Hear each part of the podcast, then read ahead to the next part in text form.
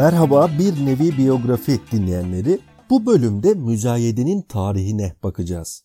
Müzayede, açık artırma ve mezat aynı anlama gelen ve hepsi de sıklıkla kullanılan kavramlar. Yazılı bir kural yok ama sanat eserleri söz konusuyken müzayede kavramı daha sık kullanılıyor sanki. Açık artırma ve mezat daha çok ana akımda kullanılan kavramlar. Basit tanımla müzayede, mezat ya da açık artırma taşınır ya da taşınmaz malların en yüksek meblağ teklif eden kişiye satıldığı bir satış yöntemi. Geleneksel müzayede alıcıların birbirini izleyen artırma önerilerinin müzayede yöneticisi tarafından kabul edilecek en yüksek bedele ulaşması süreci olarak tanımlanıyor.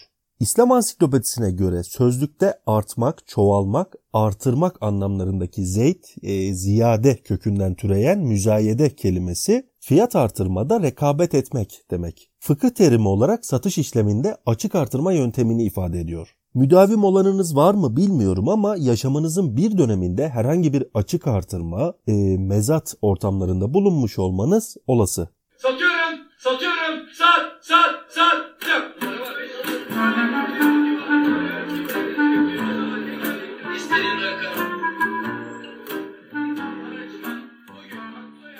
Evet, geleneksel müzayedede birbiri ardına fiyat artırma yöntemiyle satış yapılıyor. Bir de tersi durum var ki satıcı mal için önerdiği bedeli giderek azaltıyor ve her alıcının kabul ettiği bedele satışı gerçekleştiriyor. Bu yönteme de Hollanda tipi müzayede diyoruz. Dijitalleşme sürecinden her sektör gibi açık artırmayla satış yöntemi de nasibini alıyor elbette. Sayısız alandan binlerce ürün internet ortamında açık artırmayla satılabiliyor artık. Hatta dünyaca ünlü e-ticaret platformu olan eBay bu misyonla ortaya çıkmıştı. Müzayedenin tarihine baktığımızda oldukça eskiye gidiyor. Ne kadar eskiye derseniz milattan önce 5. yüzyıla kadar. İlk müzayedeler Herodot'un bahsettiği her yıl Babil'de yapılan gelinlik kız ve köle müzayedeleri. Sanat müzayedeleri önce 3. yüzyılda görülüyor. Eski Romalılarda da açık artırma usulü mevcut. Romalı kumandanların Anadolu'dan yağmaladıkları Yunan eserleriyle yapılan koleksiyonlara karşı uyanan merak, o zamanlarda tarih yazımıyla, küratörleriyle ve müzeleriyle modern bir sanat piyasasının örgütlenmesine yol açıyor.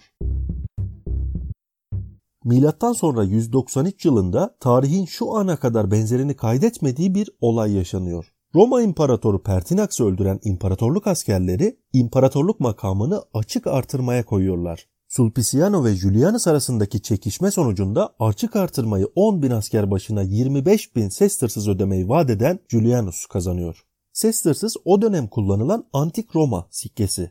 Bazı hesaplamalara göre bugünkü 1 milyardan fazla olan bu rakam Roma hazinesinden karşılanabilir düzeyde olmasına rağmen Julianus'un bir şekilde ödemenin tamamını karşılayamadığı için sonunun geldiği rivayet edilir. Saltanatının 66. gününde askerler tarafından öldürülmüş ve bu olay tarihe aynı zamanda ilk kazananın üstündeki lanet Winner's Curse olarak geçmiştir. Aklım tamam, açık arttırmayı ben başlattım. Satıyorum, satıyorum, sattım.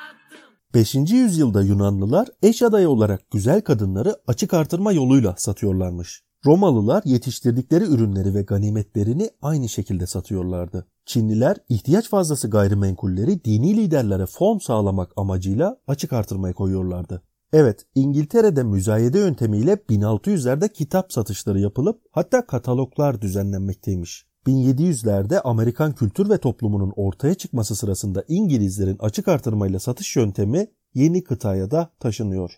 Ancak ilk uygulamalar bu alışveriş yönteminin saygınlığını sarsacak nitelikte. Köle satışları, vergi borcuna karşı alıkonulan gayrimenkullerin satışı toplumda açık artırmaya pek iyi gözle bakılmamasına neden oldu. İç savaştan sonra ganimet ve ihtiyaç fazlası askeri gereçlerin satışı da bu yöntemle yapılmıştı. Ancak 2. Dünya Savaşı'ndan sonra müzayede yöntemi tekrar keşfedilerek yaygın olarak kullanılmaya başlanıyor. Hem de eski saygınlığını kazanmış biçimde.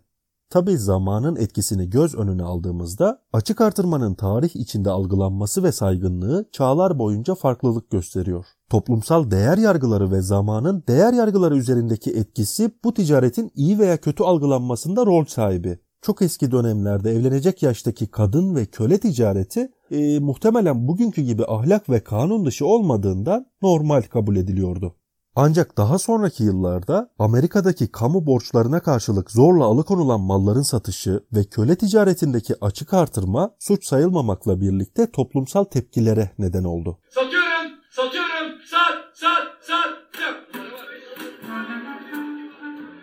17. ve 18. yüzyıllarda sanatın ruhban sınıfıyla soyluların himayesinden ve siparişe dayalı bir zanaat olmaktan kurtulmasıyla birlikte Hollanda'da örgütlenmeye başlayan sanat piyasası müzayedeleri yeniden devreye sokuyor.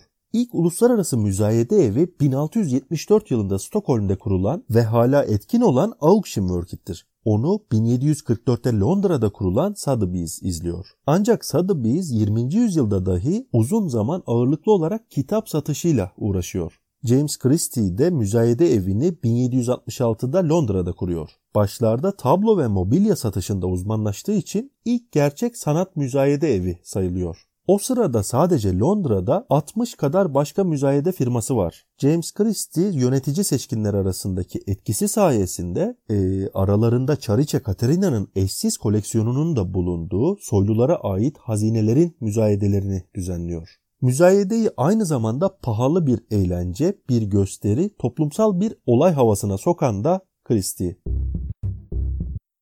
Eleştirmen Jerry Saltz'ın çağdaş sanat müzayedeleriyle ilgili düşüncelerine yer vermek istiyorum. Bakalım Salz neler söylüyor? Eleştirilerin müzayede usulünden ziyade sanatın ticarileştirilip ganimet avcılığına dönüştürülmesine tepki daha çok. Çağdaş sanat müzayedelerinin köle pazarıyla borsanın, tiyatronun ve genel evin tuhaf bir karışımı olduğunu söylüyor Salz. Devam ediyor. Yalıtılmış bir kastın ender eğlenceleridirler. Bu eğlenceler esnasında tüketim ve asalet kodlarının açık açık manipüle edildiği son derece tasarlanmış bir ritüel yerine getirilirken spekülasyon, fırıldakçılık ve ganimet avcılığı birbirine karışır. Herkes müzayedelerin kaliteyle ilgili olduğundan bahseder. Ama aslında müzayedeler sanatın iç dünyası ile tüketimin dış dünyası arasındaki yarılmanın sunaklarıdır. Sanatçının sanatından koparıldığı yerlerdir. Müzayedelerin kaliteyle bir ilgisi olamaz. Müzayedelerde yeni fiyatlar tayin edilir ve arzu fetişleştirilir. Tüketim, sanatın çevresinde dönüp duran para dolaplarına kurban olduğu bir tür kutsal yemeğe dönüştürülür.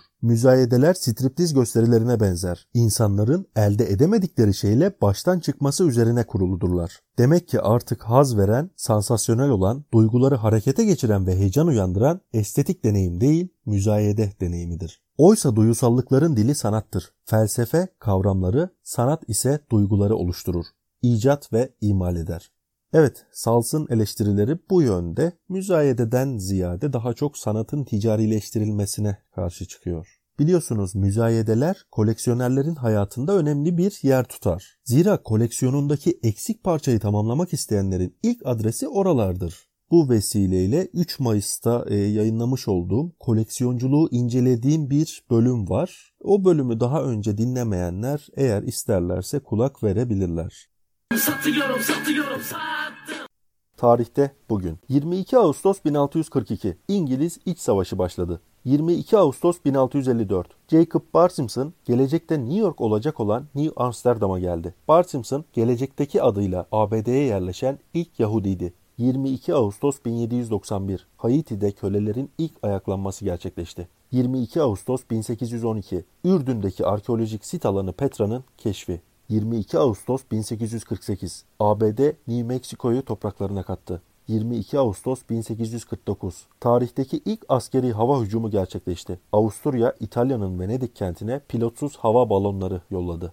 22 Ağustos 1864 12 devlet ilk Cenevre Konvansiyonu'nu imzaladı. 22 Ağustos 1901 Cadillac motor şirketi kuruldu. 22 Ağustos 1910 Japonya Kore'yi ilhak etti. 22 Ağustos 1942 Brezilya, Almanya ve İtalya'ya karşı savaş ilan etti. 22 Ağustos 1952 Henry Geria'nın Kelebek romanına ve filmine de konu olan Fransa'ya ait Fransız Guyana'sındaki cezaevi tesisleri tamamen kapatıldı. 22 Ağustos 1961 Yüksek Öğrenim Kredi ve Yurtlar Kurumu kuruldu. 22 Ağustos 1962 Fransa Cumhurbaşkanı Charles de Gaulle'a düzenlenen bir suikast girişimi başarısızlıkla sonuçlandı. 22 Ağustos 1962 nükleer güçle çalışan ilk yük ve yolcu gemisi olan NS Savannah açılış yolculuğunu yaptı. 22 Ağustos 1965 Sadım Boro yelkenlisiyle yapacağı dünya turuna başladı. 22 Ağustos 1989 Neptün gezegeninin ilk halkasının keşfi. Müzik